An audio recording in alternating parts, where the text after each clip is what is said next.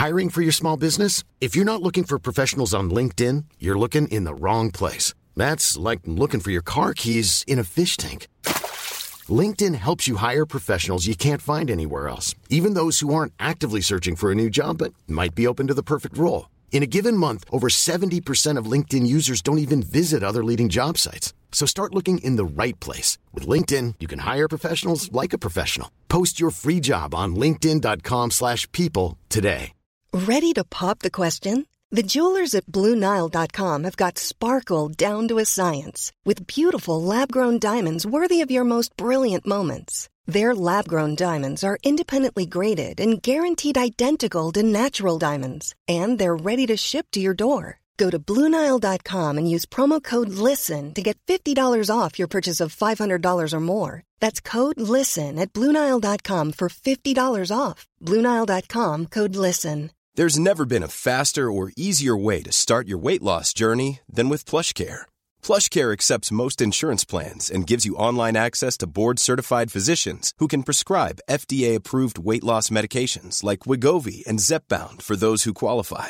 Take charge of your health and speak with a board-certified physician about a weight loss plan that's right for you. Get started today at plushcare.com slash weight loss. That's plushcare.com slash weight loss. plushcare.com slash weight loss. Hey, it's Ryan Reynolds, and I'm here with Keith, co star of my upcoming film, If, only in theaters, May 17th. Do you want to tell people the big news?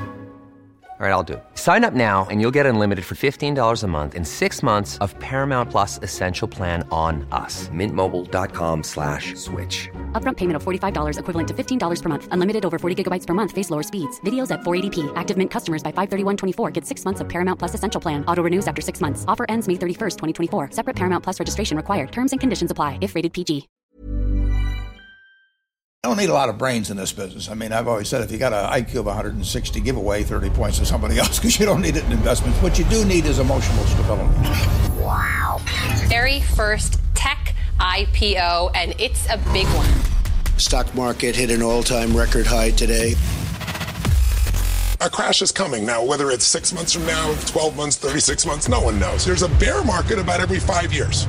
We've gone eight years without one. People have to realize this is the biggest IPO ever.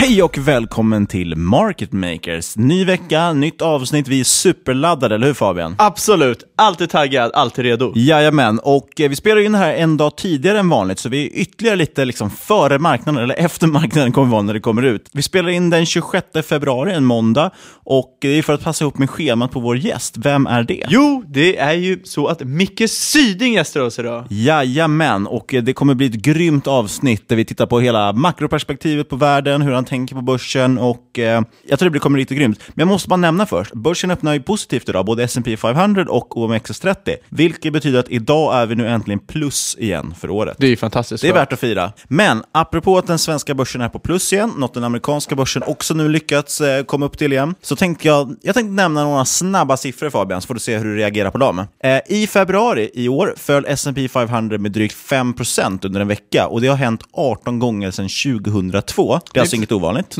Eh, mer än en gång per år. Det som dock var ovanligt var att när det här skedde så föll även amerikanska statsobligationer. Det är ovanligt, för det har hänt en enda gång tidigare under de här 20, senaste 20 åren. När då?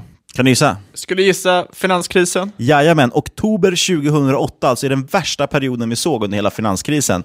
Det är inte så roligt. Och det no- normala är ju så att obligationer brukar ju gå upp när aktiemarknaden faller, för det är ju liksom en, risk-off-trade så att säga. Ja, du brukar ju köpa obligationer för att på något sätt hedga mot aktierna. Exakt. Så det betyder alltså att aktier och obligationer är korrelerade. Ja, eller framförallt det man har pratat om är väl att det finns en, det är det som är så läskigt nu, att det finns ju en bubbla i allt. Det är, vanligtvis kan det vara så att, ja men visst, under dotcom-bubblan så var ju IT-aktier liksom superövervärderade, men det fanns ju andra bolag du kunde köpa, men nu är ju nästan allting väldigt övervärderat, och även obligationer, vilket är rätt otroligt. Och då är det ju så att amerikanska räntor, de pikade 1981, då yieldade tioåringen närmare 16% ränta. Det är inte dåligt. Det är rätt fantastiskt. Antagligen var väl inflationen ganska hög då också, men annars hade man ju gärna bara Eh, Det var ju legat därför räntan den. var så hög. Inflationen var ju också fantastiskt hög. Så uh, satt du med några pengar på, i madrassen, som jag vet att det är många som gör, så blev du fattig rätt snabbt. Jajamän, och det, det där är lätt att glömma bort. Det är, det är inte alltid man inflationsjusterar när man pratar om så här gamla siffror och hur börsen har gått. Vi pratade ju om det i något tidigare avsnitt, just hur att börsen i princip avkastade noll under en lång period, trots att man hade 8 procent per år eller någonting. Men Ja, rejäla men siffror vart det något annat. Vi hade rätt eh, hetlevrad eh, utläggning om det. Och vad, vad jag minns, vad jag Ja. minns. Men kombinerar man det här fall med en åtta år lång bull market på aktiemarknaden eh, så betyder det att ganska få under 30 år har upplevt en riktig bear market. Det gäller ju tyvärr även oss också. Vi, varken du eller jag investerade ju särskilt mycket under 2008. Inte så att man kände av finanskrisen i alla fall. Man hade ju lite fonder och sådana saker. Så det är ju liksom lite nytt territorium. Men ännu mer intressant är att i princip ingen investerare under 50 år har ju investerat i en marknad med stigande amerikanska räntor. För de har ju varit i en bullmarknad i 36 år nu. Det är lite galet. Så det är, det är verkligen det är en helt ny värld för många på marknaden nu när, om räntorna börjar stiga. Ja, man kan ju tänka sig hur kommer det här påverka börsbolagen? Och det är faktiskt någonting som du och Niklas har pratat väldigt mycket om. Men det är rätt intressant för att 2018 har ju blivit ett historiskt sett på sitt lilla egna sätt kan man säga. Därför att amerikanska bolag har year to date gått ut med att de ska återköpa 170 miljarder dollar i aktier på amerikanska marknaden, vilket är mest någonsin så här tidigt på året. Ja, det ska ju nämnas anledningen till att man gjort det här. Vi har ju nämnt det här förut, men vi får väl dra en, kanske en snabb upprepning. Det kan vara bra. Väldigt många bonusprogram, incitamentsprogram, är byggda så att man, man får högre bonusar om man har högre earnings per share till exempel. Och eh, det finns ju två, två delar i den ekvationen. Du har ju earnings och du har ju antal aktier. Vinst per aktie.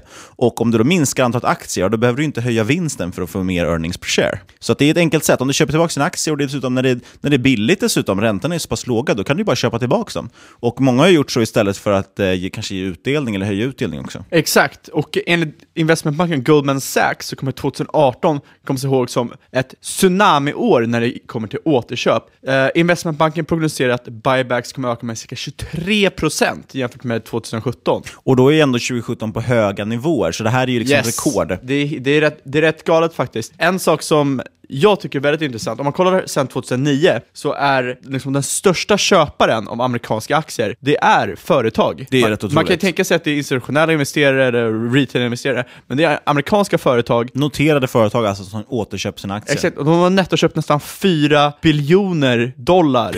alltså det är trillion på engelska, sedan 2009. Man ska jämföra det här med retail och institu- eh, institutionella investerare som försäkringsbolag och eh, pensionsfonder som har nettosålt. Så de har alltså De har sålt sålt för mer än vad de har köpt. Exakt, så de har ju på väg ut ur marknaden medan företagen köper. Och, och företagen har ju också historiskt, även om återköp inte funnits så himla länge, eller i alla fall inte varit så stort så länge, så har man ju ändå sett att historiskt har företag varit ganska dåliga på att göra återköp, alltså att tajma dem. Ofta köper de på toppen av marknaden. Exakt, de, de köper på toppen och det håller liksom, ger ju en artificiell låg volatilitet. Exakt, och det, har det, är, det är med väldigt stor sannolikhet varför vi har haft en sån låg volatilitet de senaste, det senaste decenniet. Och då kommer vi till det här, hur kommer det här påverka bolagen? Enligt IMF, som är International Monetary Fund, så ligger 22% av amerikanska företag i riskzonen för konkurs vid höjda räntor. Det är galet. För det, är ju så här, det, det det man säger. Alltså det, som sagt, många företag har använt lånade pengar. Man har lånat pengar jättebilligt, köpt tillbaka sin egen aktie för att höja EPS, eller vinst per aktie. Och när räntorna då sticker iväg, ja, då blir det dyrare att betala på de här lånen man har tagit. Så helt plötsligt så, så ja, vi nämnde det förut också, någonting det här med zombieföretag, att i princip det enda vinsten de kommer gå till är att betala av de här eh, räntorna som man har helt enkelt. Och det, det är ganska, alltså, över 20% av amerikanska företag är i riskzonen för konkurs. Det är galet. Och nu har räntan börjat, är uppe och snuddar vid 3% snart. Och en, en kort parallell också som jag tycker är intressant, som vi satt och kollade på här precis innan vi började spela in, var förhållandet mellan tioåringen och eh, direktavkastningen på börsen. I Sverige har vi en direktavkastning, nu kommer jag inte ihåg exakt, men mellan 3 och 4 procent ungefär på de 30 största bolagen, eller 30 mest omsatta bolagen, medan vår 10-åring gillar noll i princip. Och i USA är det ju dock helt annorlunda. Då har man, gillar man ungefär 1,5 procent i direktavkastning, medan 10-åringen ger ju nu nästan 3 procent, så den är dubbelt så hög. Då, det finns ju inte riktigt incitament för att köpa bolagen för utdelningar då. Nej, men det, Men det gör det i Sverige på ett helt annat sätt. Det är Grahams gamla regel. Ja, han lägger ju fram den, eh, det är ju det han kallar för sin margin of safety. Som man tar som exempel, vi tar, vi tar Sverige då till exempel, det blir lite svårt att räkna, men om, om eh, tioåringen gillar noll i princip, eller bara för att göra det lättare att räkna på sig att den ger 1%, eh, vilket inte helt stämmer då, men, och amer- eh, svenska aktier ger direktavkastning ungefär 3%, ja då har du ju eh, ungefär 200% margin of safety, eller hur? Du har 200% mer avkastning för att du tar lite risk. Liksom. Ja. Så att det, det, det är ungefär så han räknar och det är, det är ett ganska intressant mått. Och nu när räntan ger mer i USA än vad direktavkastningen på aktier gör så är det ganska naturligt att man ser ett utflöde. Det är alltid så här, när det händer saker på marknaden, speciellt när det är lite mer kraftfulla rörelser som vi har sett nu i februari, så försöker ju alltid börsen så att säga enas kring ett narrativ. Man försöker ju förklara i efterhand. Ah, men det här hände för att räntan höjdes, eller det hände för att inflationen höjdes, eller vad det än kan vara. Man försöker alltid hitta en anledning till att saker har hänt. Men det är ju så att räntorna har ju höjts under en lite längre period nu. Det har väl skett ungefär två år eller något sånt har de ju faktiskt höjts lite grann. Eh, men det är först nu man börjar nudda den här 3%-gränsen då, man, som man tyckte var lite magiskt. Då. Mest för att det är väl en psykologiskt viktig siffra kanske, att det är ett heltal. Men med det sagt så kör vi ett kort nyhetssvep innan vi träffar Micke. Och vi fortsätter på det läskiga temat med räntor och amerikanska skulder. Ja, vi kan och, inte få nog. nej, och återigen med den amerikanska investmentbanken Goldman Sachs som förra veckan gick ut och varnade för hur den amerikanska regeringen hanterar den finansiella politiken. Ja, det är så här, ekonomin går på högvarv, vi är mitt i en, eh, liksom en högkonjunktur och skuldbördan har ökat, eller den ökar i tiden. Vi pratade om det förra veckan, hur amerikanska skulder ökar enormt. Och eh, Det generella svaret på det här brukar ju vara att kongressen brukar svara med att man höjer skatter och minskar utgifterna för att liksom ta höjd för det här. Man delvis stoppar upp lite den, finansiella, eller den ekonomiska utvecklingen genom höjda skatter och man sparar undan pengar så att man ska kunna ta hand om de här skulderna. Men nu har man gått ut på outforskad mark, för Trump han vill ju driva på skattesänkningar och ökade utgifter. Och det här varnar ju Goldman Sachs för, och eh, ja, market makers kan väl också varna för, eller? Ska vi gå ut med en officiell varning här? Nej, men fan, det ska vara kul att se vad som händer. Ja. Det är kul med lite action. Eller hur? Och vi hoppar till något helt annat. Nu får vi banne vara klara med amerikanska räntor ett tag. Även om det är sjukt intressant och det är ändå det som är de stora makrotrenderna. Vi hoppar vidare till Saudiarabien, världens största oljeexportör. Jajamän, och de kollar ju nu på att nyttja kärnkraft för att minska sitt oljeberoende så att de istället kan exportera ut den här oljan och behålla då intäktsströmmarna till landet. Och Det här är lite intressant för att uranpriset har ju varit väldigt nedtryckt de senaste åren och har ju nu kommit in i den här fasen där flera tillverkare de har fått börja lägga ner, vissa går kanske till och med konkurs, eller så drastiskt skär man ner på produktionen. Och Det har börjat ge lite tryck upp i uranprisen igen, men det här kombinerat med ett ökat, eh, en ökad efterfrågan, till exempel nu när vi ser att Japan börjar öppna upp sina kärnkraftverk igen, och om till exempel Saudiarabien skulle börja köra kärnkraft, kan ge ganska bra tryck i priserna uppåt. Apropå råvaror, jag läste också att eh, Apple tittar på att börja köpa kobolt direkt från gruvorna.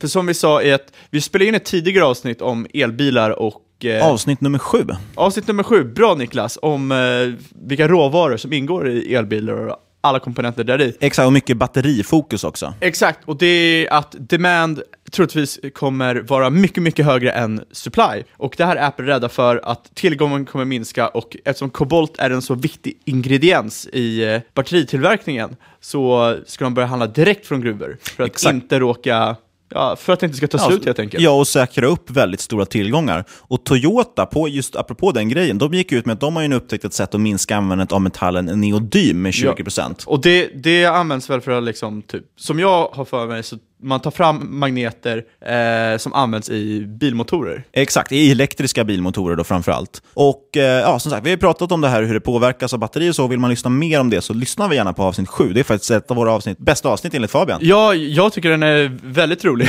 det var i alla fall jäkligt roligt att göra research för. Men om vi hoppar vidare på lite roliga nyheter. Ja, apropå tillgång och efterfrågan och råvaror kanske, eller? Ja, Niklas favoritrestaurang. KFC.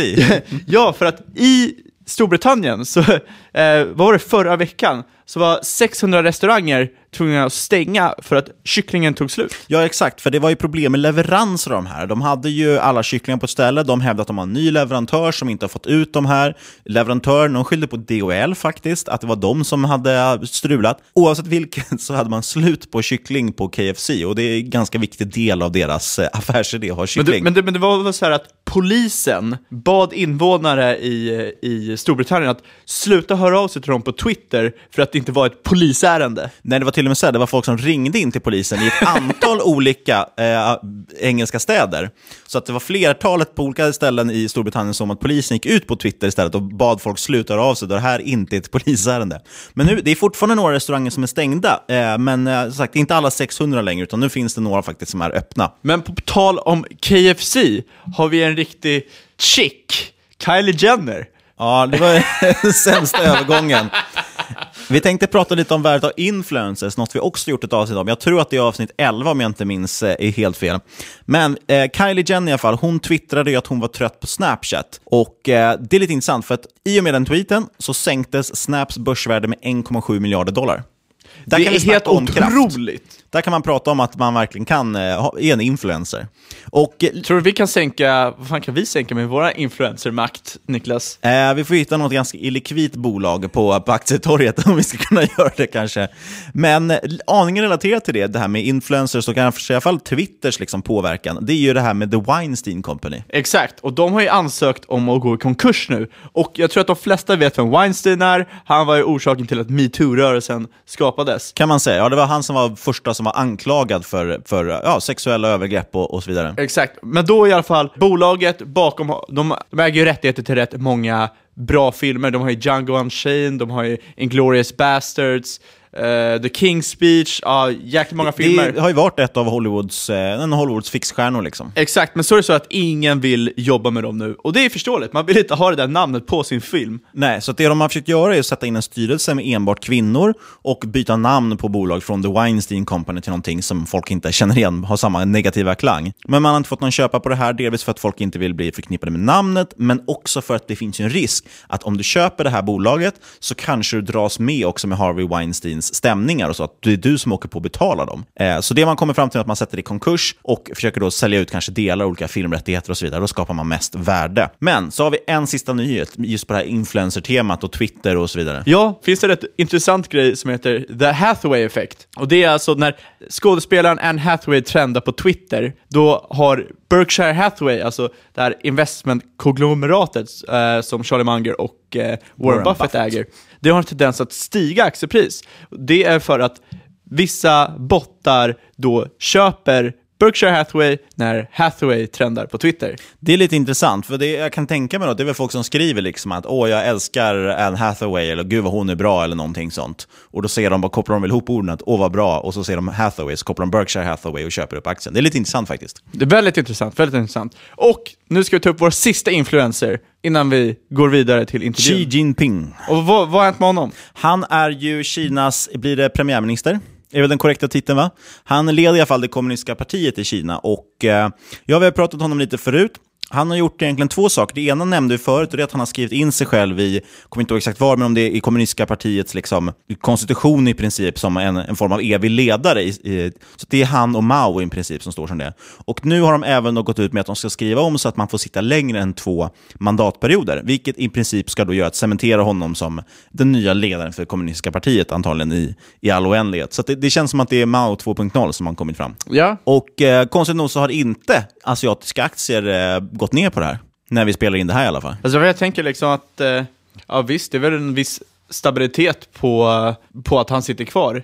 Ja, men, han- men det ja, jag vet Och, inte. ja, och historiskt har han ju inte varit eh, negativ för aktiemarknaden. Han har ju drivit på expansionen väldigt mycket och tillväxten. Så han har inte varit någon, någon form av, eh, ja, det har inte varit någon isola, vad säger man, protektionism eller att han har försökt stanna upp någonting. Så de kanske tycker att det är positivt att han sitter kvar. Det är i alla fall, eh, i alla fall intressant. Det är en lite oroväckande utveckling måste jag ändå säga. För det, det, det driver bort mer från marknads, marknadsekonomi till diktatur igen. Men med det sagt, ska vi hoppa vidare till Micke Syding?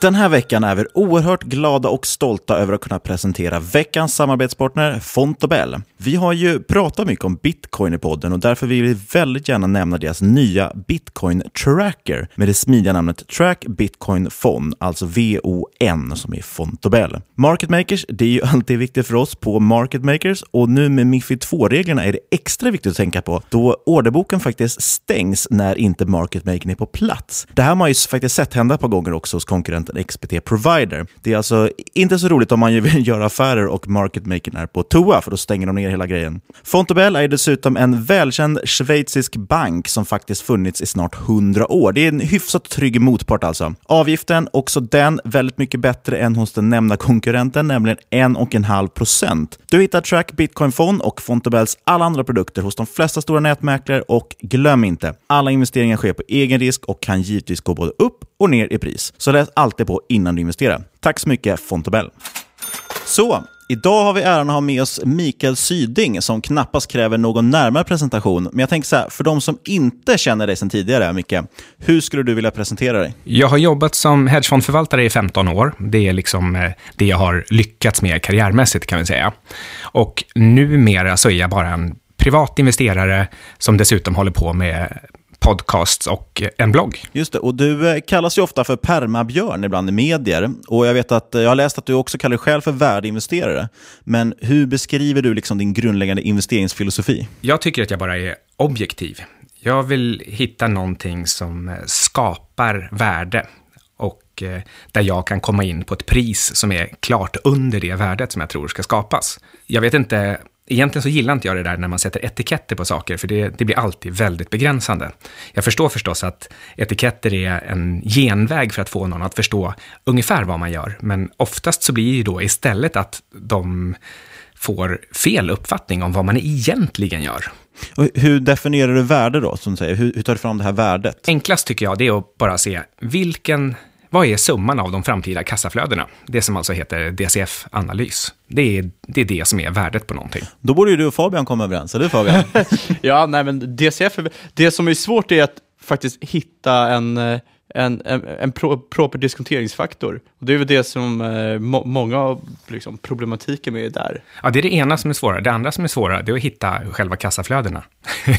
så jag, jag, tycker att, ja, jag tycker att alla parametrar i en DCF är svåra. Det går inte att göra liksom, riktiga prognoser om framtiden och det går inte att sätta en, en eh, korrekt diskonteringsränta. Eller så här, man kan sätta en som är korrekt för sig själv. Och det är egentligen det enda viktiga. Problemet med det är att då kan du inte räkna på vad du eventuellt kan sälja någonting till andra för. Nej, för alltså det jag personligen tycker är nästan mer intressant, det är ju att se liksom vad marknaden sätter för, för ränta på det genom att göra någon typ av liksom reverse DCF. Ja, precis. Du brukar ju vända på det och skriva in i princip, ja, men vad sätter de för riktkurs eller vad sätter de för pris snarare på marknaden idag och vad ger det då för diskonteringsränta, eller hur? Ja, exakt. Och så utgår man därifrån. Ja, jag tycker också att det är en bra metod. Det är en del av all triangulering man kan göra. Den, den, den ger ju en information om hur andra tänker och det kan vara intressant om man tänker sig att eh, man ska sälja det man en gång har köpt. Men en äkta värdeinvesterare, som jag ser det, då köper man någonting som har ett inneboende värde för en själv. Man ska inte ens behöva fundera på att sälja det här till någon annan. Inte ens om det blir för dyrt, eller vad man ska säga? Jo, eh, ja, ja, det är klart. Nu, vi, nu, kommer vi till den andra sidan av det här förstås, när man ska... Ja, eh, noterar man att eh, man inte längre skulle vilja köpa det här för det inneboende värdets skull, ja då är det dags att sälja. Det, det där kopplar lite till, jag såg att du skrev här om, för några dagar sedan på din blogg om det här uttrycket fina bolag. Eh, och Det var lite roligt, vi, vi träffade ju Niklas Andersson på Avanza för, för något avsnitt sen. Och Då försökte jag dra upp lite diskussionen där, för jag gillar inte riktigt det här uttrycket fina bolag. Det, det betyder ju liksom ingenting. Eh, skulle du kunna berätta lite vad, vad du skrev om den här artikeln? Jag tyckte det var väldigt intressant. Jag tror att folk som använder ordet fina bolag, det började med en, en ganska ärlig och Eh, kanske till och med rätt så genomtänkt genväg för att slippa berätta exakt vad det var man hade analyserat för detaljer i ett företag. Och, och, det här kunde då gälla att man tittar på ett företag som har en lång historik, bra management, bra operationell effektivitet, kanske en bred vallgrav, ma massa positiva faktorer som säkerställer att det kassaflöde man räknar på nu och för framtiden är ganska stabilt. Man har, man har koll på vad det är och därmed kan man också räkna ut ett okej okay inneboende värde för det hela. Det här skulle eh, man nog kunna skriva under på att det är en ganska bra investering. Och sen gör man en förkortning av det och så säger man det här är ett fint bolag och därför så betalar jag gärna en värderingspremium jämfört med fula bolag. Och det, det, är liksom så det, det var så det började. Men sen har det kommit att börja användas när man inte ens orkar göra den där första grundläggande analysen, utan man tar kanske vad som oftast då är före detta värdeskapande bolag, men som har blivit lite fallna änglar. Och så säger man, ja men H&M är ju ett fint gammalt bolag, eller Ericsson är ett fint gammalt bolag. Och så och så menar man egentligen ingenting mer, mer än att jag orkar inte göra någon analys, men någon annan gjorde en analys för tio år sedan. Och, och, och därför så fortsätter jag bara köpa dippen på det här utan att tänka det efter. Det känns som att man sett ett likhetsexempel, men fina bolag betyder det, kan alltid, det kommer alltid gå upp på sikt har jag, är en upplevelse ja. jag har i alla fall, att man, man köper någonting som bara för att det alltid varit ett bra märke. Nej, men jag kan ju tänka mig att man köper också, man, man kanske inte riktigt bryr sig om liksom, den relativa prestationen. Om du inte peggar dig själv mot index, då, kan, då kanske det räcker för dig att du liksom, sitter och plockar direktavkastning från, jag vet inte, Investor eller liknande. än att du kontinuerligt försöker slå index. Och det finns ju finns väl fördelar med att inte ha någon typ av relativ eh, prestation, eller vad man ska säga. Om man, jag, jag tänker så här att om man inte försöker slå index i vart och ett av sina enskilda investeringar, då, eh, då gör man ju fel. För varje enskilt bolag kommer i normala fall ha högre risk, högre osäkerhet, större möjlighet att det händer någonting mm, oväntat som är dåligt, än vad som gäller för hela index. Och om man därmed inte tror att varje enskild aktieinvestering man gör ska gå bättre än index, då har man gjort en felinvestering. För då är det ju bättre att sätta pengarna i index och, och öka Fast det beror ju på vad man siktar på. Du kan ju vilja ha lägre risk än index till exempel. Eh, ja, eh, förstås. Men är, är det influsive, för jag tänkte säga också att till exempel, jag tycker, tittar till exempel, jag vill ju gärna försöka få absolut avkastning och så jobbar ju en del, en del hedgefonder också till exempel. Att, för att det är ju en, om, om index faller 30% och jag bara faller 20%, ja, då har jag ju slagit, då har jag ju 10% alfa, men det är ju inte så kul att stå med 20% back tänker jag. Hur, hur, tänker du kring det, Micke? Siktar du alltid på att slå index? Är det alfa som är liksom huvudfokus?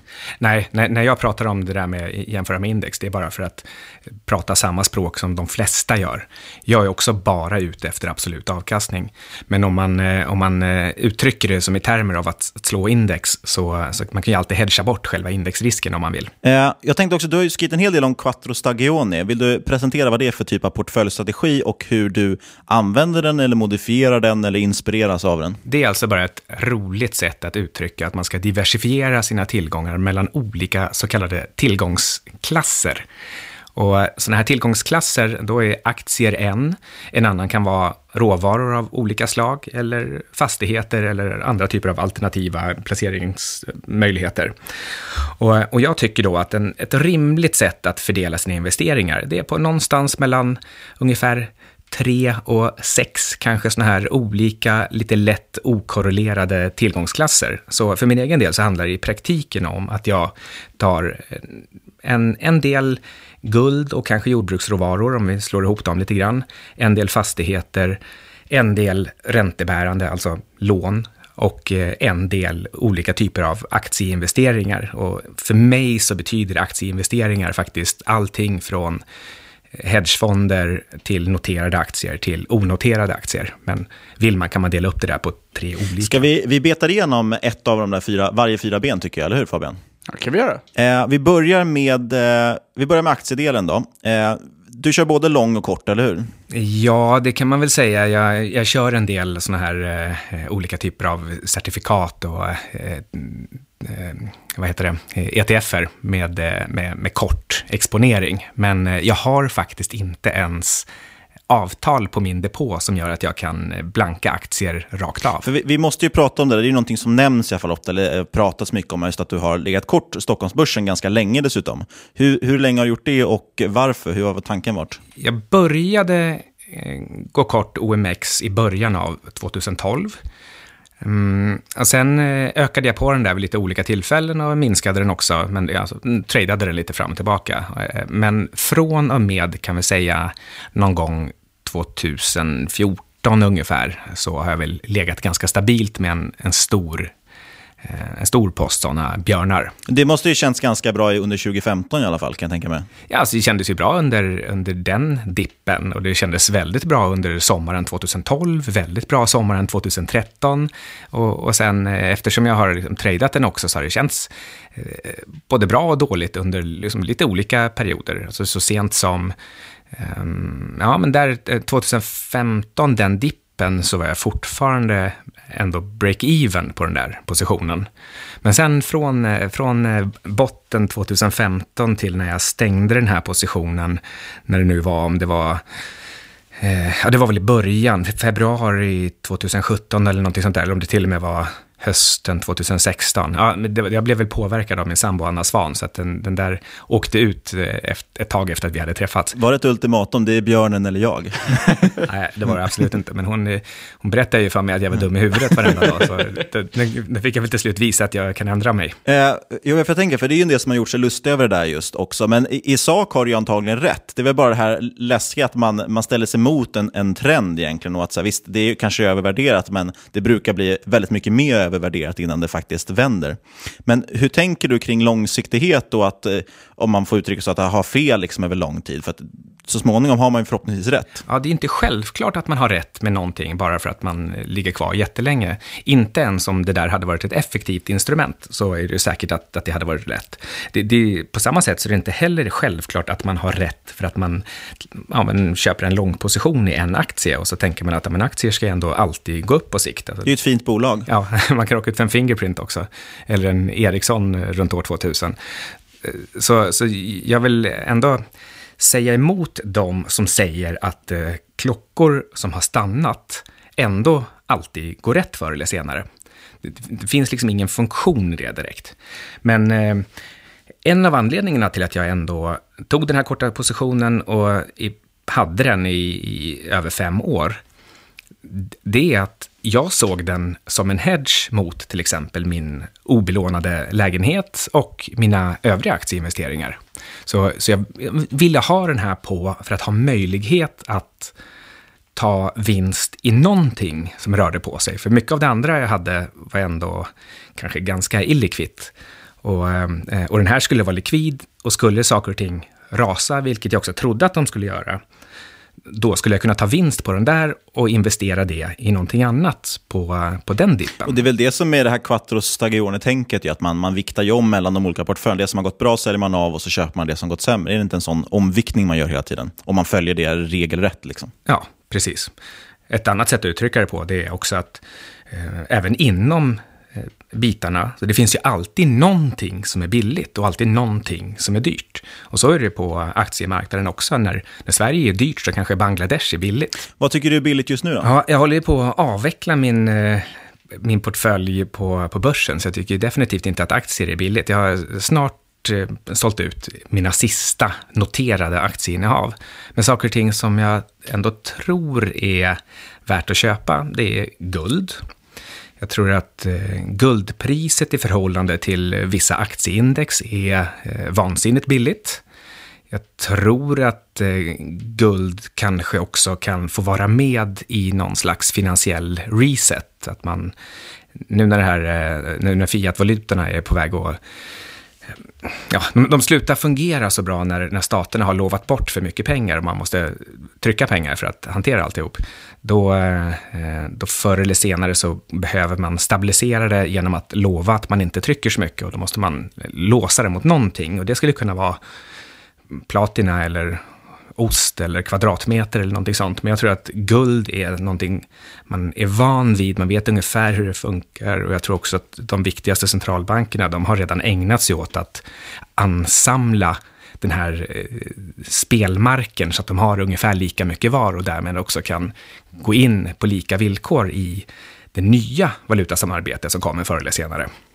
Så guld är billigt och då tror jag också att guldgruvor en del av dem är väldigt billiga. Du har ju pratat dig rätt varm om råvaror. Är det bara guld du fokuserar på, eller finns det andra råvaror du tycker är intressant också?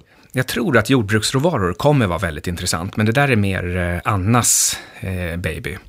Hon, eh, alltså, vem som helst kan ta fram grafer och titta på hur jordbruksråvaror har rört sig över cyklerna. Och det ser onekligen ut som att nu har de varit extremt låga under... Det är historiskt låga nivåer i alla fall. Ja, ja precis. Och, och de har dessutom legat och skakat i ett par år nere på de här riktigt, riktigt låga nivåerna. Så det, ser, det påminner lite grann om eh, när VIX-index hade gått ner på rekordlåga nivåer, ligger där och skakar ett tag och då gör den sig liksom redo för att, för att gå upp igen. Och på samma sätt ser mer eh, softs ut, alltså de här jordbruksråvarorna. Så det är helt klart intressant. Jag, jag funderar på om, om, om jag kanske borde eh, ta någon typ av investering där, för att ja, det är ett sätt att spela på att inflationen kommer tillbaka, eller möjligen på befolkningstillväxt, eller på att det blir allt mindre eh, riktigt bra odlingsbar mark. Bland annat på grund av, det skulle kunna vara ett spel, riktigt långsiktigt spel på klimatförändringar också. Men framförallt bara på att de är låga, de brukar gå upp cykliskt. Vad, tror du, vad tror du allmänt om inflationen då? Får jag bara lyfta en grej snabbt Ja. först? Eh, Jag tänkte bara nämna, vi har ju gjort ett avsnitt med Anna Svan som jag tycker man ska lyssna på om man lyssnar på det här och inte har hört det. Eh, För då pratar vi ganska mycket. Sen gjorde ju även vi ett avsnitt och pratade också just om, om råvaror. Också, bara en sån som man kan ju även ha en mean reversion-strategi. Som, som du nämner så är de his- historiskt låga, eller som jag nämner så är de historiskt låga och de brukar ju röra sig uppåt mot någon form av medelvärde Jag igen. tänker så här, titta på vad mat, kläder, olika typer av mjuka råvaror, vad de kostar i förhållande till BNP eller en genomsnittslön och om det är rimligt.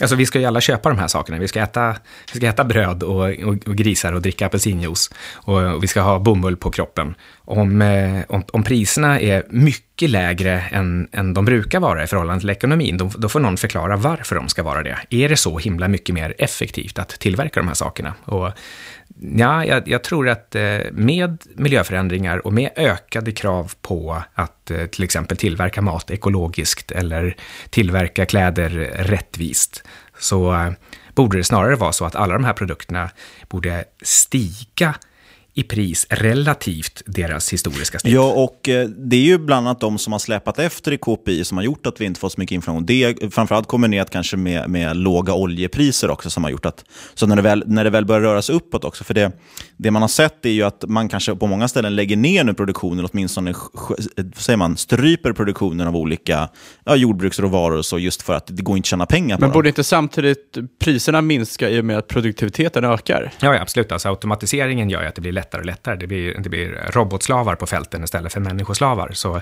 det är klart att det, den effekten finns också. Och det, det får du ta hänsyn till när du funderar över vad är det egentliga medelvärdet. Så ta upp en hundraårsgraf på råvaror, eh, Försök jobba lite grann med de här olika, olika variablerna. Hitta den riktiga eh, primärtrenden som produktiviteten skapar.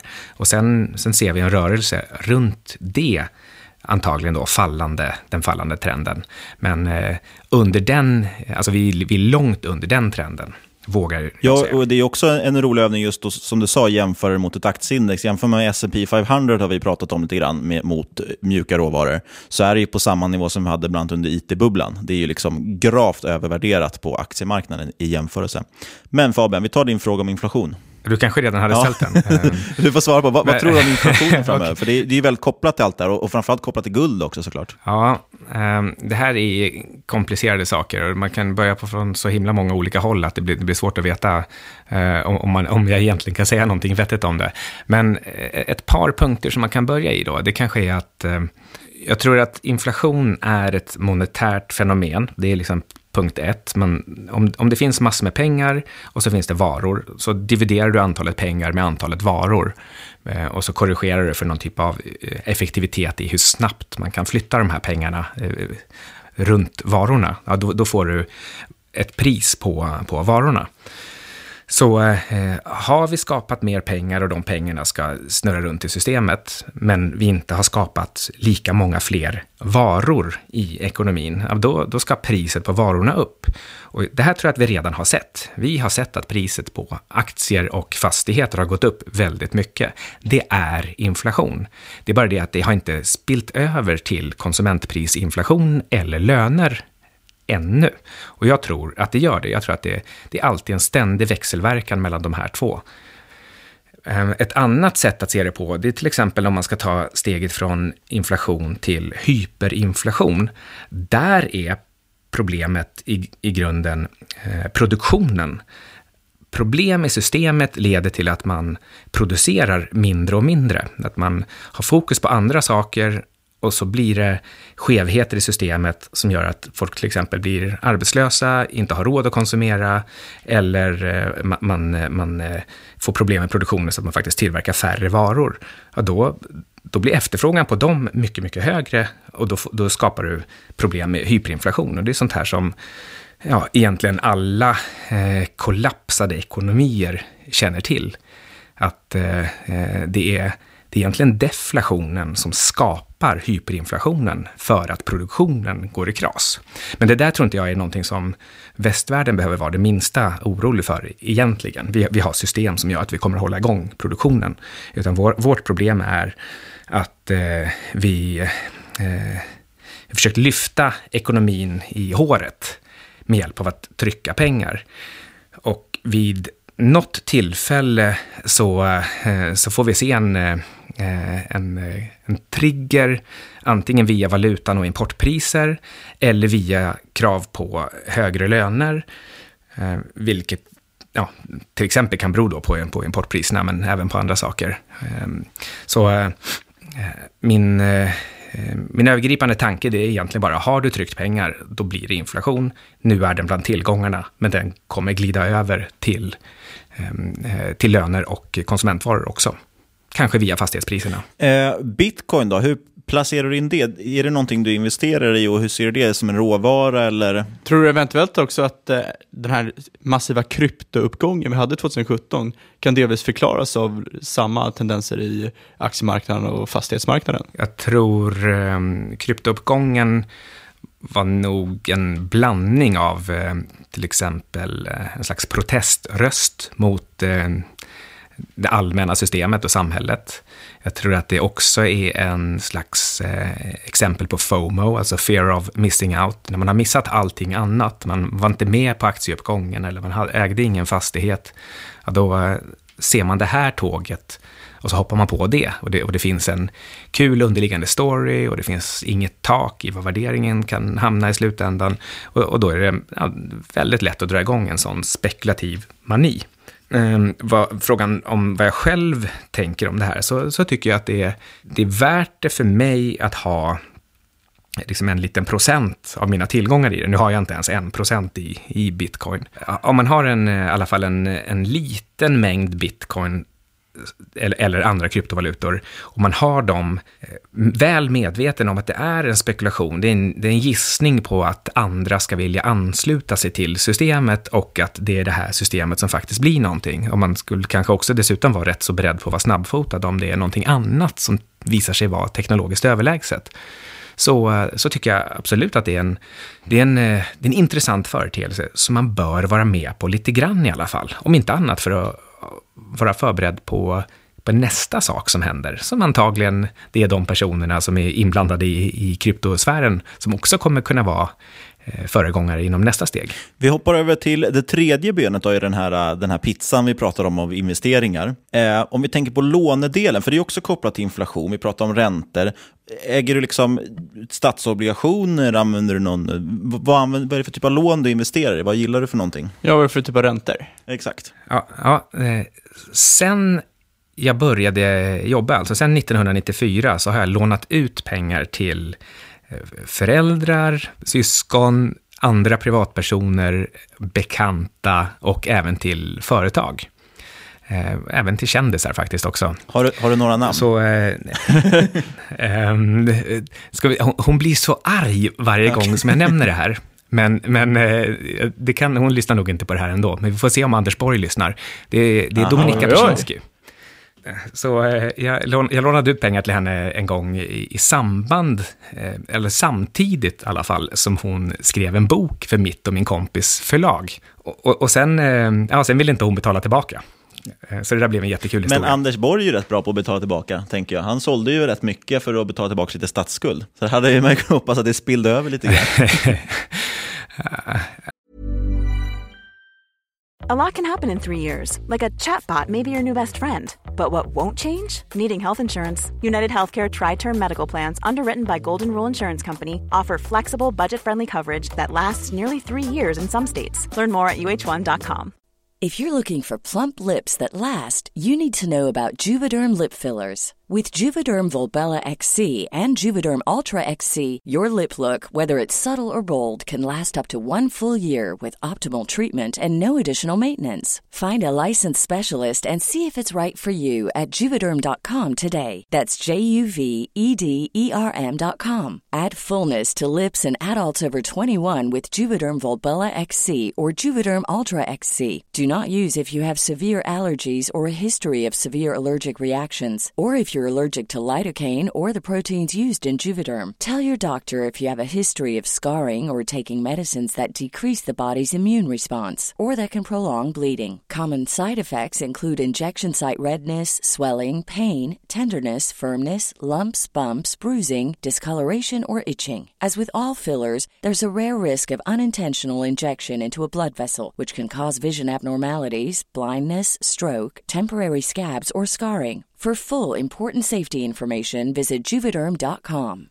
Hiring for your small business? If you're not looking for professionals on LinkedIn, you're looking in the wrong place. That's like looking for your car keys in a fish tank.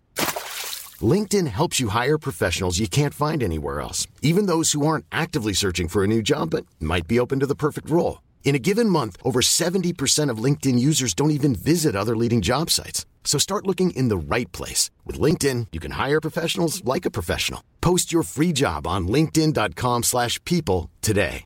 Hey, I'm Ryan Reynolds. At Mint Mobile, we like to do the opposite of what Big Wireless does. They charge you a lot, we charge you a little. So naturally, when they announced they'd be raising their prices due to inflation, we decided to deflate our prices due to not hating you.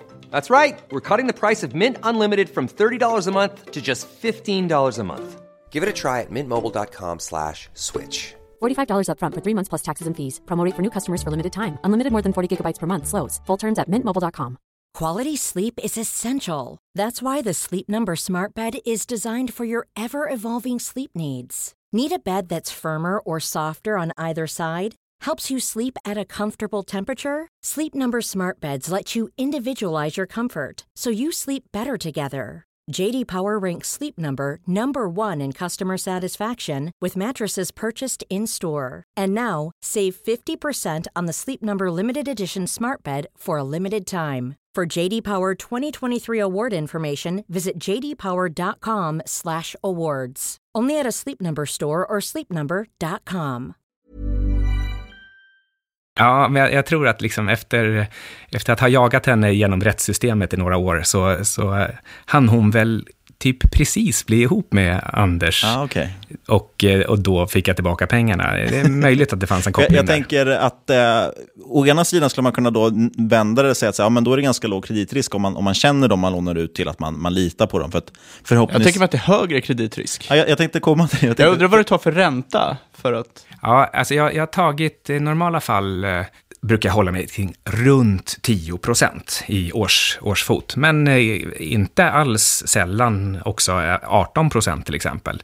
Men där var det en, en annan lite sån eh, halvkändis som, eh, ja, med efternamn Hamilton som eh, inte heller ville betala tillbaka.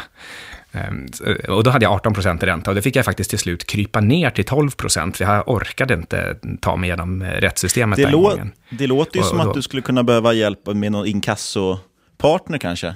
Och därför så är jag så glad att det numera har liksom vuxit upp en ordentlig sån här peer-to-peer, liksom systematisk eh, bransch för det här. För, för jag håller på och lägger över så mycket jag kan. Det, de privatlån som är ute, i den mån jag får in dem, så investerar jag dem hellre via eh, plattformar som eh, till exempel Lendify. Jag, jag tänkte faktiskt komma till den biten just för att nu när det har kommit, det är ju, känns som ett väldigt intressant, ja, en intressant teknisk plattform. Eh, vad, vad, ser du för risker med den? Har, det måste du ha tänkt igenom också antar jag. Vad, vad, vad tror du det finns för risker med att investera på till exempel Lendify? Ja, eh, jag har faktiskt skrivit en krönika om det. Jag jämför det här att låna ut själv till privatpersoner och låna ut via en plattform som Lendifys. Och framför allt, det viktigaste man får, det är det här som du antydde innan om huruvida risken är högre eller lägre när man lånar ut själv till privatpersoner man känner. Och här får jag ju faktiskt en systematisk inblick i de här personernas ekonomi. Jag får ju veta om de har några anmärkningar. Jag får veta att, att de är dubbelkollade i vad gäller deras eh, totala inkomst. Jag får dessutom en spridning på väldigt många fler konton, så att jag inte behöver hänga upp mig på, på ett enda konto.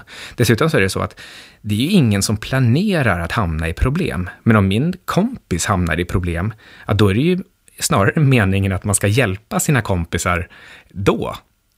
Snarare än att det är då jag kommer och ska driva in pengarna. Så eh, det, det är helt klart så att det finns eh, Ehm, jag tycker det finns, eh, det större problem med att låna ut till sina kompisar eller, eller bekanta än, än via plattformen när det gäller just eh, den här kredit, ehm, kreditrisken och, och, riskbedömningen. Nu är det ju inte, jag ska bara nämna, vi är inte på något sätt sponsrade Lendify. För jag tycker att det är väldigt intressant och jag vet att de, har, de snittar väl någonstans mellan 1-2% kreditförluster. Och det är ju ganska bra statistik och som du säger att man sprider ut på många. Det jag tänker är väl största risken är väl egentligen just risken med Lendify som företag. För att eftersom de har ganska låg spread som jag förstått det så är ju inte de så lönsamma. Och där är väl frågan då, den är inte jag insatt i faktiskt vad som händer till exempel om, om Lendify går i konkurs eller, eller någonting sånt. Så det är väl egentligen, men motpartsrisk kanske snarare man tar det antar jag. Det är noll motpartsrisk mot eh, Lendify. Det är faktiskt snarare så att det finns en, en uppsida mot Lendify, att de faktiskt har en liten sån kreditförlustfond som kan hjälpa till om man får kreditförluster. Men, men annars är det så att jag äger lånen direkt mot låntagaren. Så om Lendify går omkull, då är det jag och Lindorf som eh, fortfarande står och, och ser vad vi gör mot, mot låntagaren. Och i normala fall så fortsätter låntagaren förstås att serva sitt lån och gör han inte det, ja, då Ja, det är möjligen att, att jag inte längre får systematisk hjälp av Lendify att gå till Lindorf för att driva inkasso. Det kanske jag måste göra själv då i sådana fall, om, om det är någon som slutar betala. Men, men jag äger hela lånet fortfarande. Det är, det är 0% koppling till själva låneplattformen. Sitter du med några andra typer av obligationer eller är det endast privatutlåning du kör? Jag har lånat ut till ett antal företag också och jag har eh, lite olika varianter på de lånen. Ibland med med eh, till exempel eh, eh konverteringsmöjlighet till deras aktier, eh, även konvertering och säljoptioner på, på de aktierna i sin tur. Så det, är liksom, det är lite hängslen och livrem fram och tillbaka och olika potentialitet på, på uppsidan. Så Eh, Eh, ja, men en del av riskerna kanske jag inte känner mig sådär superbekväm med, men oftast så, eh, så går det där lite i vågor med, med dagsformen, huruvida jag känner mig eh, rädd eller girig. Det är precis som de flesta känner om aktiemarknaden, tror jag. Men oftast så har jag ändå satt räntan på en sån nivå att jag, att jag gillar det jag gör. Jag, jag brukar egentligen, när jag, när jag säger till någon att de får låna, då sätter jag en ränta som gör att jag egentligen eh, eh, ja, e-, egentligen få mer än, än jag borde. Sen, eh, vi hoppar vidare lite. Du investerar ju en, del, en hel del i onoterat också. Varför gör du det? Bra avkastning. Ja, det, ja, det, är, väl, det är väl därför helt enkelt. Jag, jag tycker att eh, det är kul att se saker hända och eh, om jag kan göra en eh, riktigt stor uppsida, då, då, tycker jag att det är, det är spännande. Det blir liksom som en liten, liten check på att jag har tänkt rätt. Men vilka typer av onoterade bolag? Är det liksom väldigt unga bolag, du är med som en ängelinvesterare, eller är det mogna onoterade bolag? Där du kommer in som liksom en delägare? Ja, det handlar snarast om eh, riktigt omogna startups. Men till exempel en mjukvaruinvestering som heter Agerus i Västerås, de håller på med, med HR-mjukvara för att säkerställa att personalen har rätt befogenheter bland annat. Och de hade funnits i nästan tio år när jag gick in. Och anledningen till att jag gick in var att eh, eh en kund sa upp sitt avtal på grund av att, eh, att kunden fick en ny vd. Den här vdn hette Faxander någonting och jobbade på något stort OMX-bolag. Eh, och när han kom in så eh, då sa han upp massa avtal. Och, och det här var egentligen olagligt, men vi orkade inte, eller ja, det här bolaget då, Agerus orkade inte dra det i rätten. Men i gengäld då så fick de problem med, med skattelikviditeten. Det hade de plötsligt inte, det hade de inte planerat för att plötsligt bli av med, med, med de här pengarna. Så, så då hade de inte råd med skatten och då kunde jag komma in och bli ganska stor delägare mot att jag såg till att akut betala eh, skatten. Och då är jag ju plötsligt inne i ett ganska moget företag, men som har en, en bra tillväxtpotential. Men nu pratar vi liksom inte att de här plötsligt ska växa hundratals procent eller liksom dubblas varenda år. Utan, eh, utan det här är, ett, eh, det här är liksom ett software as a service-bolag som, som kan ha hög tillväxt om de får ordentlig ordning på eh, sina produkter. Ehm, men de har ju trots allt funnits i tio år och har en massa befintliga kunder, så man, eh, då blir det ingen rakettillväxt. Men sen har jag ett antal som är mycket mer eh, startup-liknande, som ehm, ja, nu höll jag på att säga att som jag inte ska prata om, så då gör jag inte det. Men men ehm, Ja, det, det, jag tror att det kommer ganska mycket spännande nyheter här under eh, 2018 i ett bolag som jag är inne i. Men eh, hur, hur, ser din, är det någon skillnad mellan din due diligence mellan onoterade och noterade bolag? Eh, jag kan tänka mig att det är, det är ju högre risk att gå in i unga noterade bolag, eller onoterade bolag. Lägger du då mycket större fokus då på att eh, utvärdera det innan, innan du investerar i dem? Ja, vad ska man säga om det här? Ibland så är jag väldigt lugn och metodisk och gör precis allt det jag ska. Så var jag väl framförallt när jag jobbade på Futurist. Och I och med att det var mitt yrke och liksom ändå satt där framför datorn med mina modeller och hade hur lätt som helst att få input till allt möjligt, då, då gjorde jag också allting enligt, enligt boken. Men nu när jag är privat, alltså egentligen så ska man ju göra mer due diligence på startups. Men eh, då tenderar jag istället att vara lite så släpphänt och impulsiv och gå på, eh, på magkänslan istället. Ehm, jag kan, visst, jag kan intala mig själv att ja, men det är för att jag är så erfaren att jag ser direkt om det, är en, om det är en bra eh, företagsledare och en bra idé och potentialen och priset är som välanpassade för, för mina preferenser. Men eh, egentligen så är det nog så att ehm, jag jag skjuter från höften lite för fort på onoterade för att jag tycker det ser så spännande ut. Men utgår det mycket från ledningen då? För det är någonting jag hör med många andra som investerar i unga onoterade bolag, att det är rätt svårt att få en blick liksom över kassaflödena i bolaget. Vissa har ju inte ens positiva kassaflöden och då är det ledningen och eh, entreprenörerna i bolaget man ska satsa på istället för själva bolaget i sig. Idén i ett, ett startup, den finns redan överallt. Jag tror Peter Thiel brukar säga att det, det finns eh, alltid 500 precis likadana idéer. Han bara tog antalet spännande idéer per år och eh, antalet eh, startups som faktiskt finns och tyckte att det var en faktor 500 på ett. Så ingen har någonsin en unik idé. Därmed är det alltid genomförandet som är intressant. Och genomförandet, ja, det är entreprenören och eh, de, eh, den första handfullen anställda. Men samtidigt så brukar man säga att det kanske allra viktigaste är det här att, eh, att ledningen är beredd att byta fot också. Att, att de är så, så lyhörda för vad marknaden egentligen vill ha, att de förstår när de ska göra någonting annat än det de först trodde att de skulle göra. Eh, det hänger väl i och för sig ihop med att, att liksom ledningen är, är superviktig, men, och, och framförallt också då med att eh, grundidén är absolut inte det viktigaste. Men samtidigt så är det så att det första jag ser, det som gör mig hooked på ett, ett eh, startup, det är idén. Om jag känner en, eh, eh, en övertygelse direkt om att ja, det här saknas och sättet som ni berättar att ni tänker göra det på, det låter helt rätt. Shit vad det här kommer växa. Det är den känslan som jag går på när jag investerar. Och samtidigt så vet jag att det kanske viktigaste egenskapen hos, eh, hos grundarna, det är att vara, vara beredda att byta riktning. Jag undrar framförallt, just nu med onoterat, tre stycken eh, liksom, begrepp som jag skulle vilja veta hur du tänker kring just när det gäller onoterat versus noterat.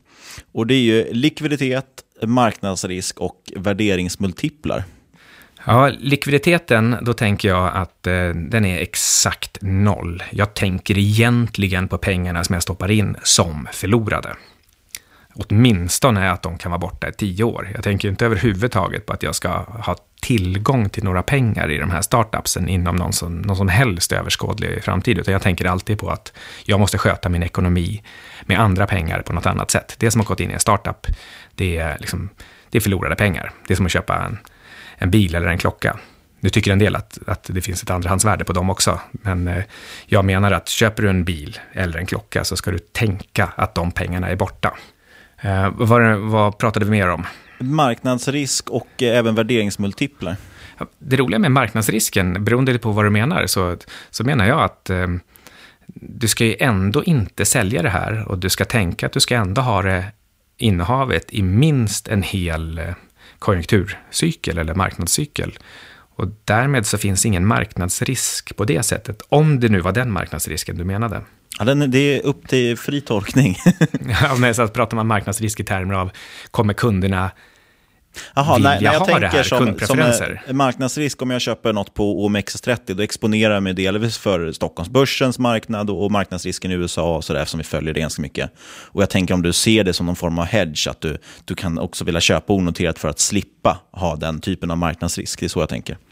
Ja, jag, me jag menar att jag, alla, jag menar åtminstone så här. Köper man ett onoterat bolag så är marknadsrisken noll. Därför att du ska ändå behålla det minst en hel marknadscykel.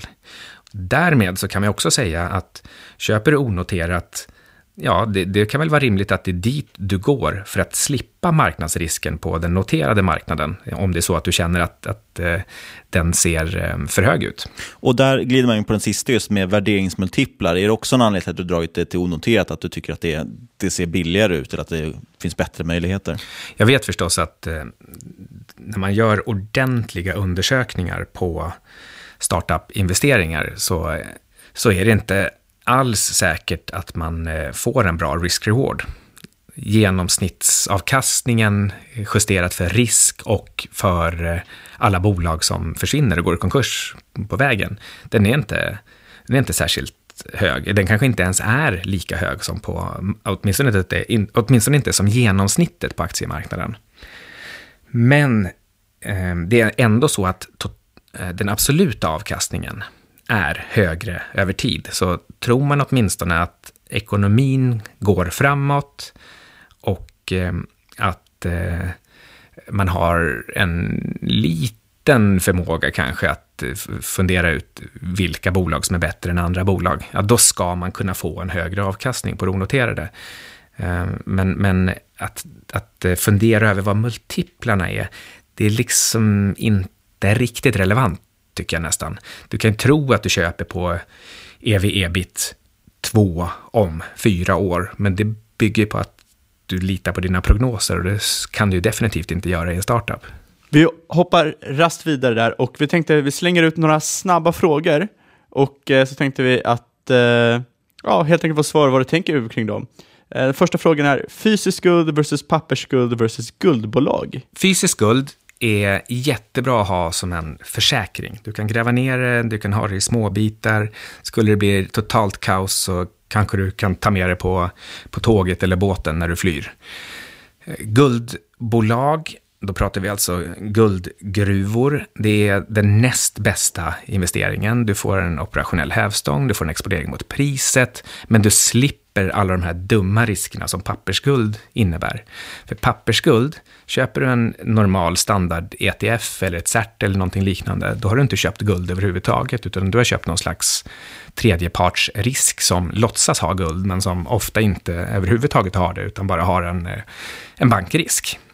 Och eh, när guldpriset rör sig extremt mycket, då har de klausuler som säger att vi kan bara helt enkelt stoppa instrumentet per igår och, och ge dig eh, likvidbeloppet som gällde då. Så skulle vi få en sån här reset där guldpriset går 25 eller 50 gånger över natten, då kommer inte du få tillgång till det om du har investerat i pappersguld. Så då ska man alltså köpa guldbolag om man inte vill äga fysisk guld? Ja. Eh, nästa snabba, börskrasch. Finns det någonting som heter börskrasch egentligen? Jag vet det. Det är alltid jobbigt när vi pratar om det, för att man, man snurrar massa olika uttryck med korrektion och krasch och nedgång och björnmarknad. Och... Därför så ska man kanske då vara riktigt tydlig i, i, i, vad man egentligen menar. Men om, om vi säger så här, min naturliga association till, till en börskrasch, och som jag tror att många kanske håller med om, det är om, eh, om börsen nominellt går ner med mer än 40 procentenheter.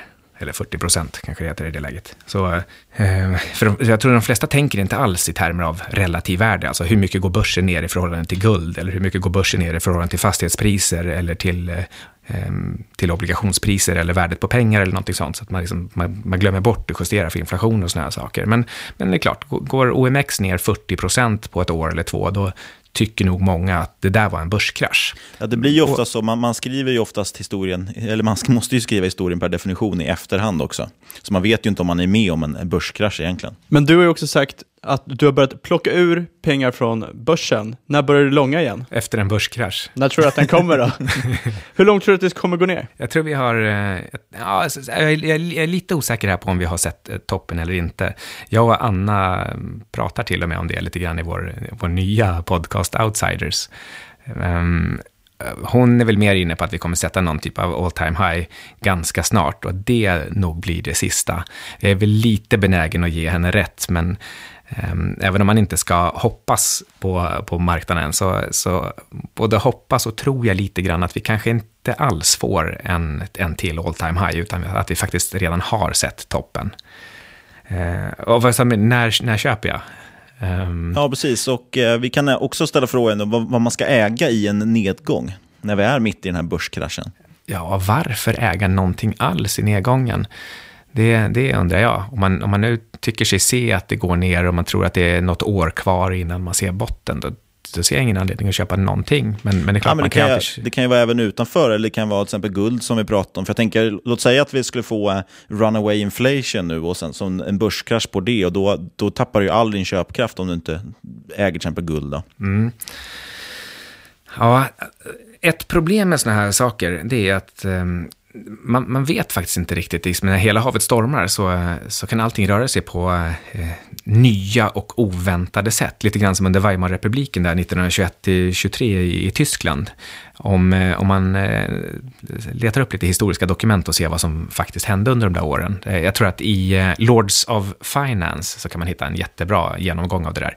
Då, eh, då ser man hur priset på fastigheter fluktuerade på ett sätt som gjorde att om man, om man var inne vid rätt tid så blev man superrik. Var man inne vid fel tid under de där två, tre åren och, och kanske några år till, så eh, ja, man kunde bli jätterik eller jättefattig på fastigheter. Man kunde bli det på att eh, spekulera i valutarörelserna mellan tyska marken och, och andra valutor.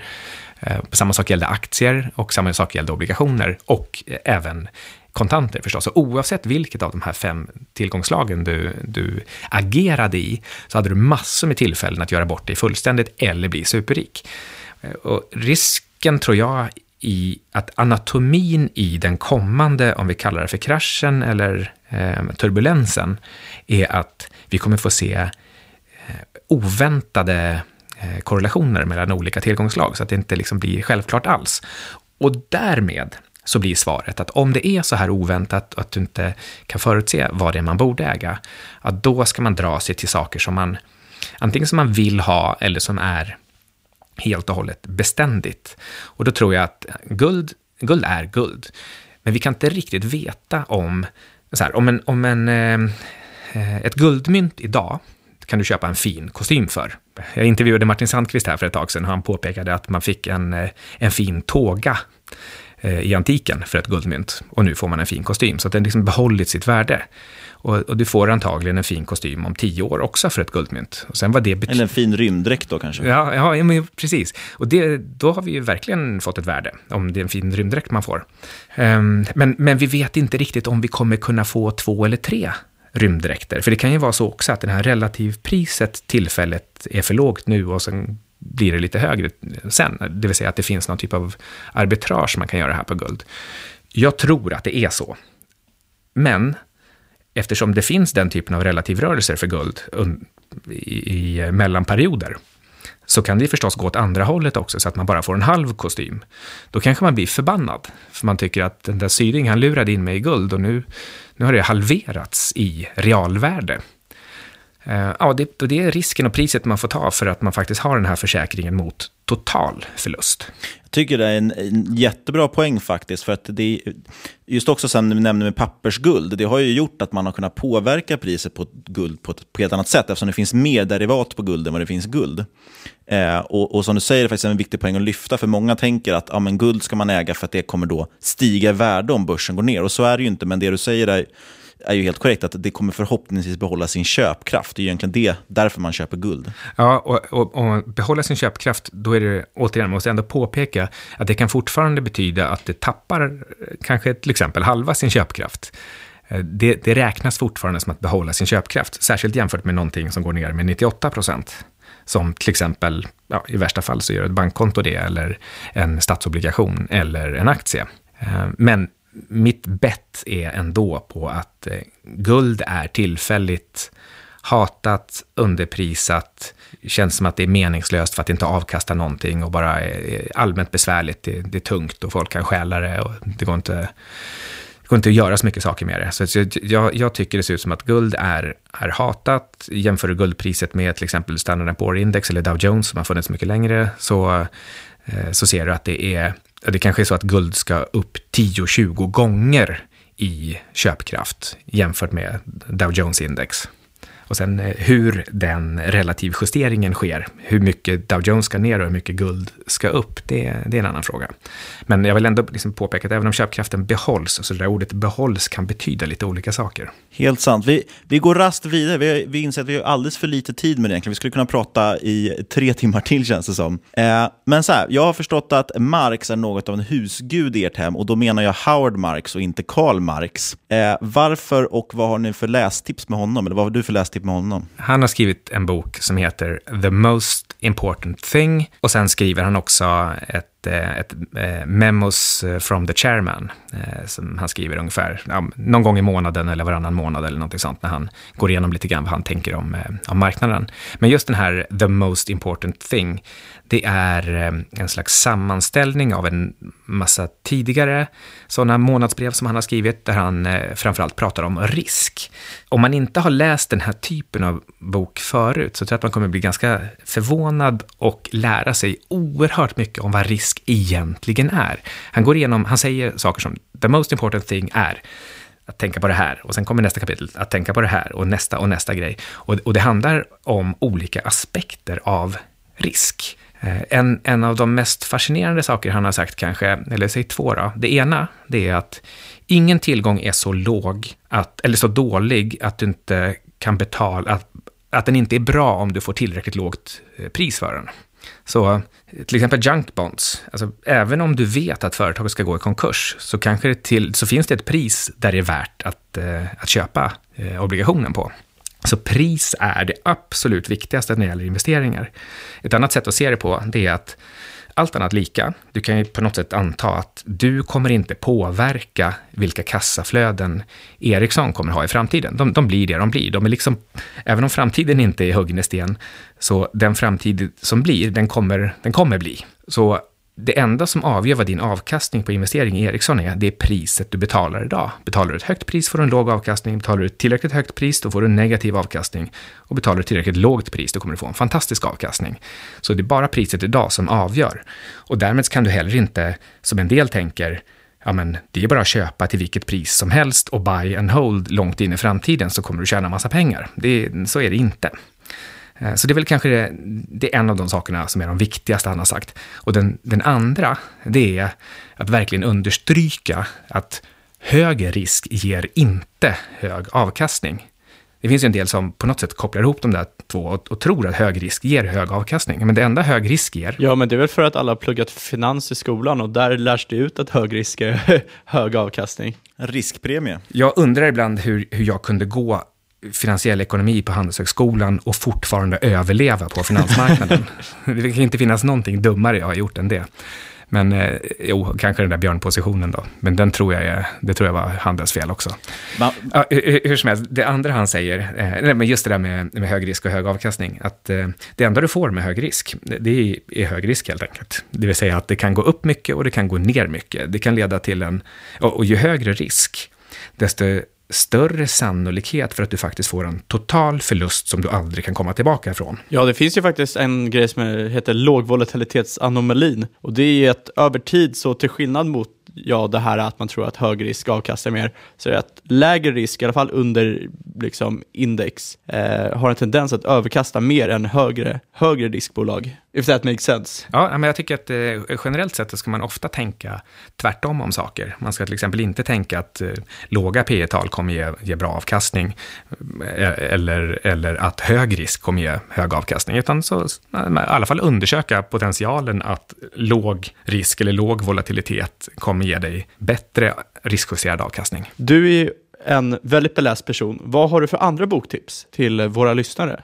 Ja, till oss också. Ja, till oss också. Ja, vad vill ni ha för typ av boktips egentligen? Jag vet inte, men har, har du tre stycken böcker som har liksom, kanske, jag vet inte, defined your life, eller vad man ska säga? Ja, men de, men de som har definierat mig, eller som har verkligen har gett mig mycket, de har inte någonting med finans att göra normalt.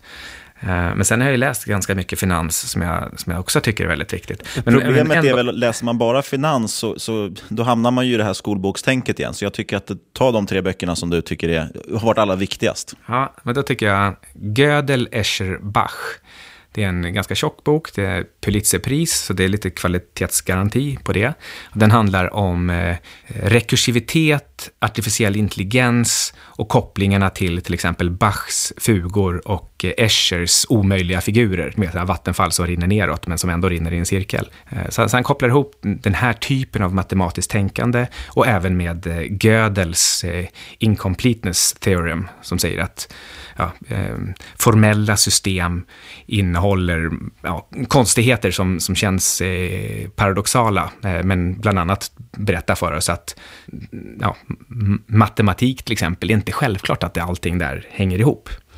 Eh, det, den, är, den är oerhört spännande, bra hjärngymnastik, den säger någonting om all typ av analys och intelligens, matematik. Eh, tänk, eh, tar man den där på rätt sätt så, så kommer man bli en bättre analytiker. Den andra som jag skulle lyfta fram, som jag nästan berättar om i alla sammanhang jag kan komma åt, det är Peter Schiffs How an Economy Grows and Why It Crashes. Det är en, eh, det är nästan en, en tecknad bok som eh, går igenom hur eh, mikro och makroekonomi fungerar och hänger ihop. Och den är dessutom asrolig. Det är en massa fina teckningar på tre fiskargubbar på en öde ö som successivt lär sig att bli bättre och bättre på att fiska och sen skapar en, en, en hel ekonomi kring det här. Och, eh, och de, eh, de grundar allting på hur mycket fisk de kan få upp och när de får upp tillräckligt mycket fisk, ja, då kan de börja använda det där som, eh, som betalmedel och då blir det pengar. Och förr eller senare så dyker Ben Barnacle upp, alltså Ben eh, havstulpan och, eh, och orsakar något som heter fishflation genom att han eh, styckar upp fiskarna och syr ihop dem så de blir mindre men, men fler. Den, den är, alltså den är ja, eller Alan Greenfin, en annan eh, eh, ond herre i den där. Så det, det finns, eh, den, är, den är fantastiskt rolig, oerhört bildande.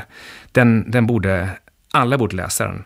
Och det borde snarast vara tvång för riksdagsmän att ha läst den för att få sitta i riksdagen. En tredje bok också. Det känns som bägge de här är sådana som verkligen titta på saker på en fundamental nivå. Det gillar jag verkligen. Mm. Eh, egentligen så skulle jag vilja säga Engines of Creation, eh, själva fundamentet för nanoteknologi, men nu har jag bara nämnt den, så därför så tänker jag inte säga den i alla fall, eh, men, men jag tycker man ska läsa den.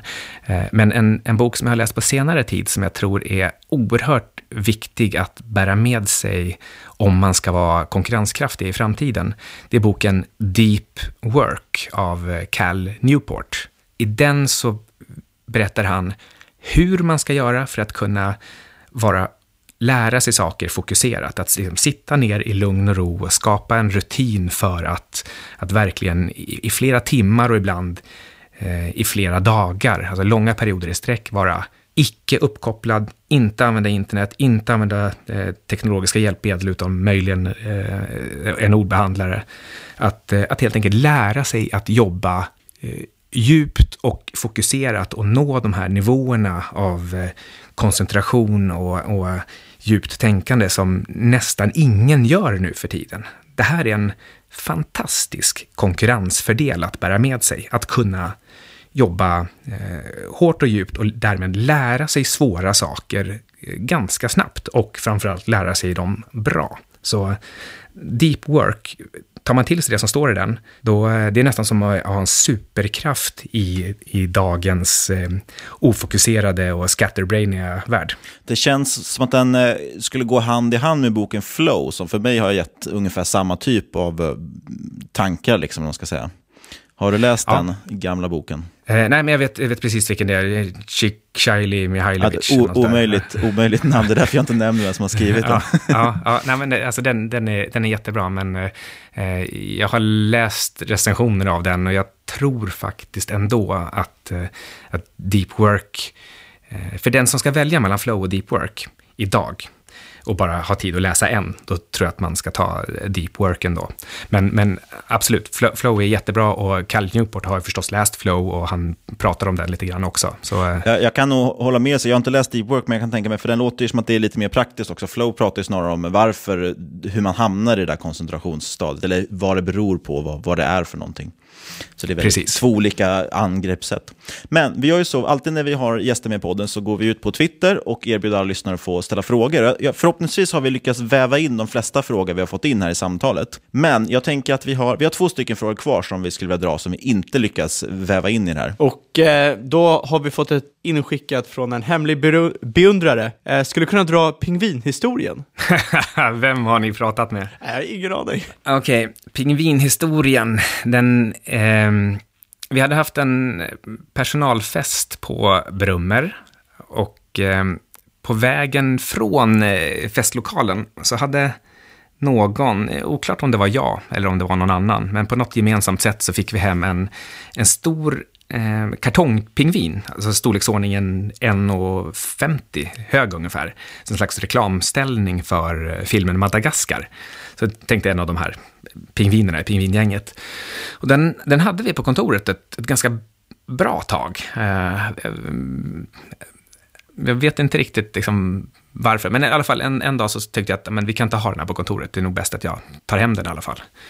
Och eh, eh ja, jag tog den i en, en, svart eh, sopsäck, för jag kände ju ändå att det där var väl kanske nästan stöldgods på något sätt.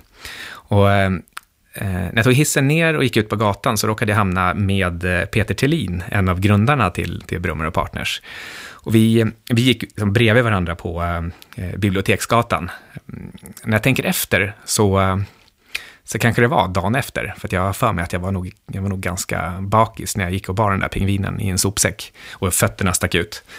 Um, så, Eh, Eh, och jag tänkte lite grann som i det, det är någon film med bröderna Herngren, där man, eh, man, man, går bredvid liksom, ja, någon, en högre uppsatt inom organisationen och så tänker man, ja men sväng höger här då. Eh, okej, jag saktar ner lite grann. Ja, man försöker komma undan lite grann, men det gick inte, så vi gick verkligen bredvid varandra. Och så säger han, vad har du där? Och jag tänker, jag kan ju inte ljuga. Det blir jättekonstigt då. Tänk om han liksom synar mig. Så, så jag säger bara väldigt lakoniskt, en pingvin. han, han tittar på mig helt iskallt, han rör inte en min. Och så säger han, och nu ska den dö eller? och, och, då viker han av och jag fortsätter framåt. Ja, man ska gärna kanske liksom förstå känslan av en av liksom de or, or, originalpartnerna på Brummer och Partners som, som man har bredvid sig och man känner att här har jag gjort någonting ganska dumt och jag är i en underlig situation och, och jag bara tillstår att jag har en pingvin under armen. Eh, sista frågan. Vad är det roligaste du vet? Aha-upplevelsen när jag lär mig någonting nytt som är bara precis på min fattningsförmåga. Det här upptäckte jag redan under skoltiden när jag lyckas lösa eh, eh, fysiska gåtor eller eh, matematiska problem, när det är precis liksom att hjärnan hänger med och koggarna klickar på plats och jag verkligen förstår och hjärnan känner hur den liksom har fått en, en ny insikt, en ny dimension, den har förstått någonting helt nytt. Och det här upplever jag när jag läser riktigt bra science fiction eller när jag läser eh, eh non-fiction-böcker om framförallt, eh, framförallt teknik. Och, och, det är liksom just det här när man är på precis på nivån av sin, eh, sin fattningsförmåga och faktiskt orkar och lyckas trilla över tröskeln upp dit till den där nya nivån. Ehm, det, det, är, det är fullständig lycka för mig. Vilken var den senaste sån upplevelsen? Ja, det, var, den, det kan inte jag svara på. Jag har verkligen ingen aning. Uh, vilket uh, kanske sätter fingret på att jag får för lite av det, uh, eller borde jobba bättre med min commonplace och faktiskt skriva upp just den där typen av saker lite mer systematiskt. Då, avslutningsvis, du nämnde er nya podd, Outsiders, som jag lyssnade på, tyckte jag var riktigt bra. men vad kan man följa dig med någonstans? Min hemsida, det är kanske den bästa, det bästa navet för att hitta mig. mikaelsyding.com. Mikael Syding står ihop och .com. Annars så har vi min och Ludvig Sundströms podcast 25 minuter, två av femma minuter.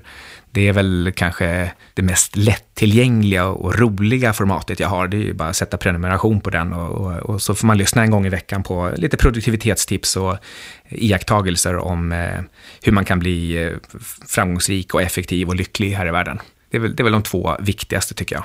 Och sen antar jag på Twitter också, ät Ture Masing. Ja, jag, jag, skriver ganska mycket dumt och blandat och ibland avföljer folk för att de tycker att de är, du är inte alls någon, någon duktig trader eller har massa tips om, om marknaden. Nej, det, min, mitt Twitterkonto är mer, eh, mer lite ironiskt och, och sen kanske man ibland får eh, någon, någon spännande sur eh, makroiaktagelse med sig också. Vad, kommer, jag måste bara fråga, vad kommer namnet Ture Masing ifrån? När jag gick i gymnasiet så florerade ett antal kassettband med, eh, med musik som kanske inte var riktigt musik, men det var ändå musik. Och det var ett, eh, ett band som hette Onkel Konkel. De sjöng, ja, sjöng, klass, ja, de sjöng klassiker som Pizza Face och, och lite sådär. Eh, snyggast i stan när alla har gått hem. Eh, bara liksom riktig sån underbältet-humor. Och i de här, de hade en, en syntskiva och en hårdrocksskiva och de sjöng bara liksom, äckliga och, och, och, dåliga saker. Ingenting av det där skulle som överhuvudtaget kunna funka i dagens PK-värld. Men i, i, inblandat mellan de här låtarna så hade de också ett fejkat radioprogram som hette eh, Storstadspung. Och eh, programledaren hette Ture Masing. Så, så, plötsligt mitt mellan låtarna så kunde man höra med en där, bara dåligt förställd röst. Välkommen till Storstadspung med Ture Masing. Eh, så eh, jag, jag, blev doktor Ture Masing efter det där. Nu kommer det vara svårt att ta det, ta det namnet på allvar framöver. ja. ja stort tack för att du tog dig tid, Micke. Superintressant att prata med dig. Ja, yes. kul. Vi hörs. Tack. Ja, det var allt vi hade att bjuda på för den här veckan. Eh, jag hoppas att ni tyckte den här intervjun var lika intressant som vi tyckte. Jag tyckte det var ett väldigt bra snack med Micke. grym! Jag tycker att eh, det är jäkligt kul överlag att lyssna på honom, för han är ju ändå en contrarian i, i många mål. Eller han, åtminstone är han en egen tänkare. Han tänk, bryr sig inte resten vad marknaden tycker egentligen på sätt och vis. Och det, det är alltid, all, alltid kul att lyssna på sånt. Det är tråkigt att lyssna på folk som alltid ska säga exakt samma sak som alla andra. Ja, men typ som du och jag. Jag hade precis tänkt säga så. Nej, men vi, vi tycker i och för sig som varandra hela tiden, känns det som. Så det är kanske lite tröttsamt. Ja, det är, det är faktiskt jäkligt tråkigt. Det hade varit bättre om vi hade helt motsatta views. Ja, det kanske var. Fast det hade kanske blivit så mycket chefs också bara om, om och käbbel. Fast det kanske blev bättre dynamik. Ja, jag vet inte. Vi kanske borde prova det. Vilket som, så är det någonting vi är överens om i alla fall, och det är att vi måste ha en legal disclaimer. Så vi låter, låt oss ta den. Inget du har hört i denna podcast ses som rådgivning. Alla åsikter är våra egna eller våra gästs och eventuella sponsorer tar inget ansvar för det som sägs i podden. Tänk på att alla investeringar är förknippade med risk och de kan gå både upp och de kan gå ner och sker under eget ansvar. Men om du vill bli förknippad med risk så kontakta oss på podcast.ipo.se eller på Twitter snabel marketmakerspodd. För vi vill gärna ha mail från er och kommentarer på podden. Följ oss gärna också. Ja, och som vi nämnde där snabbt i, när vi snackade med Micke, att eh, vi, vi ser alltid till att göra det att när vi har en gäst med podden så annonserar vi ut det på Twitter veckan innan och tar in frågor så att så du kan vara med. Liksom, det, är, det är ju klockrent tillfälle när man har sådana här fantastiska liksom, finansprofiler och kunna få fråga de grejer, så kan man göra det genom oss. Jag, jag tycker det är grymt. Jag tycker jag, man ska utnyttja det, men vi får in jättemycket bra frågor och jag, uppskattar det jag vill, mycket. Jag vill ju säga bara, följ oss på Twitter, för vi har faktiskt radat upp ett schema med väldigt, väldigt många intressanta intervjuobjekt. Ja, vi har faktiskt ett par riktigt bra bokare som vi inte tänker avslöja än. Vi vill tacka IPO.se för ett grymt samarbete. Och sist men inte minst, tack för att du har lyssnat, kära lyssnare. Vi hörs om en vecka. Och glöm inte att kolla in Track Bitcoin Fond från Fontobel. Det absolut bästa instrumentet för att spekulera i bitcoinpriset just nu. Vi hörs.